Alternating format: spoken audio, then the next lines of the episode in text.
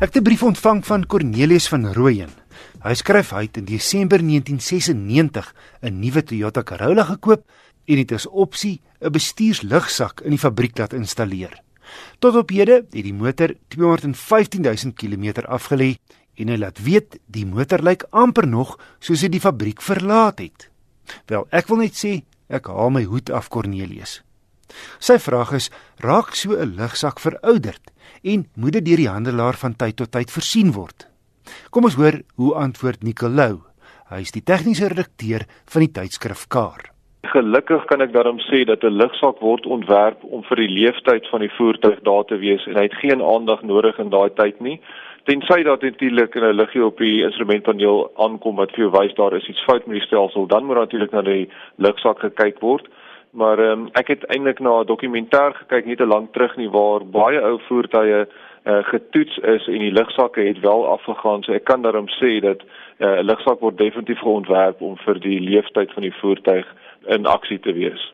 Dan het ek 'n brief ontvang van Karel Skutte van Kempton Park en dit waaroor hy skryf kom ek ook agter met my toetskarre naamlik dat turbo-aangejaagde engines relatief sterker is hier op die Hoëveld, maar Karel skryf dat hy onlangs van die Kaap na Gauteng verhuis het en um, dat hy twee voertuie sonder turbo-aanjaers het, 'n ou Hilux dieselbakkie en 'n Ford Focus 2 liter en dat die kragverlies hier op die Hoëveld vir hom opval. Hoekom is dit so fraai en hoekom het turbo engines dan nou meer krag hier op die Hoëveld? Wissel die rede is natuurlik die die lugdruk wat veral dan nou vir uh, engines wat nie turbos het nie, so natuurlike aangejaagde engines wat hulle lug net in die atmosfeer uit insuig beïnvloed. Ons wat hier by die Kaap bly op seevlak, as jy op seevlak is, is jou atmosferiese druk hier by die 101 kilopascal en natuurlik nou Johannesburg is op 1750 meter as ek reg is bo seevlak en dit beteken dat jou atmosferiese druk dan ons standaard kondisies is om en by 83 kilopascal en as jy nou die som gaan maak is dit 17% minder as by seevlak. Nou die gevolg is die kraglewering van 'n enjin hang af van hoeveel lug hy kan insuig want die lug bepaal dan natuurlik veral in 'n petrol enjin hoeveel brandstof jy kan verbrand. So hoe meer lug jy kan insuig, hoe meer brandstof kan jy verbrand en hoe meer krag gaan jy dan uit so 'n enjin uitkry. So dit maak sin dat 'n enjin sonder 'n turbo uh, gaan dan tot en met 17% krag verloor teenoor in Johannesburg teenoor dan by die kusgebiede. Ehm um, as ons kyk na turbo enjins, natuurlike turbo aanjaar uh, forceer of pers die lug dan nou saam voor dit ingesuig word, dieselfde met 'n 'n kompressor of 'n supercharger en uh, dan natuurlik ehm um, die stelsel probeer die druk uh, wat dan ingesuig word kontroleer tot 'n sekere vlak en dit maak nou nie saak of jy by die kus is en of jy op die hoofveld is nie. Daai drukpunt gaan nog steeds by dieselfde punt wees. Daai een gaan dieselfde hoeveelheid lug insuig op die hoofveld as as by die kus. Natuurlik gaan jou turbo aanjaar dan heelwat harder moet werk. En dis al ehm um, faktor wat miskien kan maak dat 'n turbo enjin bietjie minder krag daarbo gaan wees as die turbo te hard moet werk beteken dit daai impeller moet te vinnig draai en uh, om die turbo te beskerm dat hy nie te vinnig draai nie gaan hulle miskien baie keer dan uh, by hoë hoogte bo see spoels dan die die druk bietjie minder maak daai druk setpunt maar oor die algemeen gaan 'n turbo enjin heelwat minder krag op uh, die hoofveld verloor as teenoor 'n normale aangejaagde engine. Julle daar by Kar uh, toets natuurlik al julle voertuie by seevlak.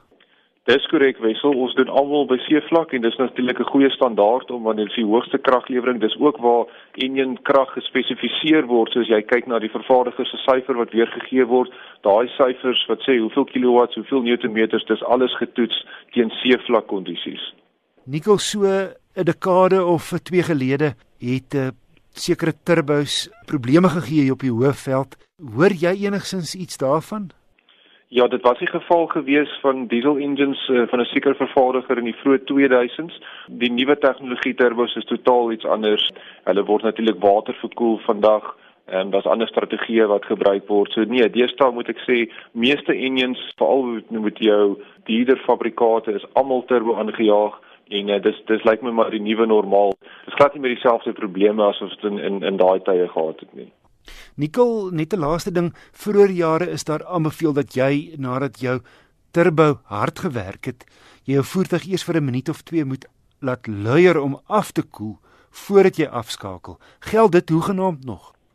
Dit is glad nie nodig moderne voertuie in die wissel. Die ehm um, die moderne voertuie het almal ook hierdie wat ons sê die stop-start tegnologie wat in elk geval die enjin ter enige tyd kan afskakel as jy stop by 'n verkeerslig om brandstof te spaar. Die turbo is ontwerp soos ek sê, hy's waterverkoel. Partykeer is daar 'n elektriese pompie wat hom gaan afkoel terwyl die enjin nie loop nie. Hulle het ook seker gemaak met die smering op die laars van die turbo dat daar genoeg olie altyd beskikbaar is sodat as jy die enjin afskakel dat hy nie gaan seer kry nie. So daai wat die enjin moes geleier word met die ouer tegnologie turbos, dis glad nie meer nodig met die moderne voertuie nie.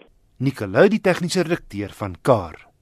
Enige motornavraag kan aan my gerig word deur te e-pos na wissel@rsg.co.za. Dis wissel@rsg.co.za.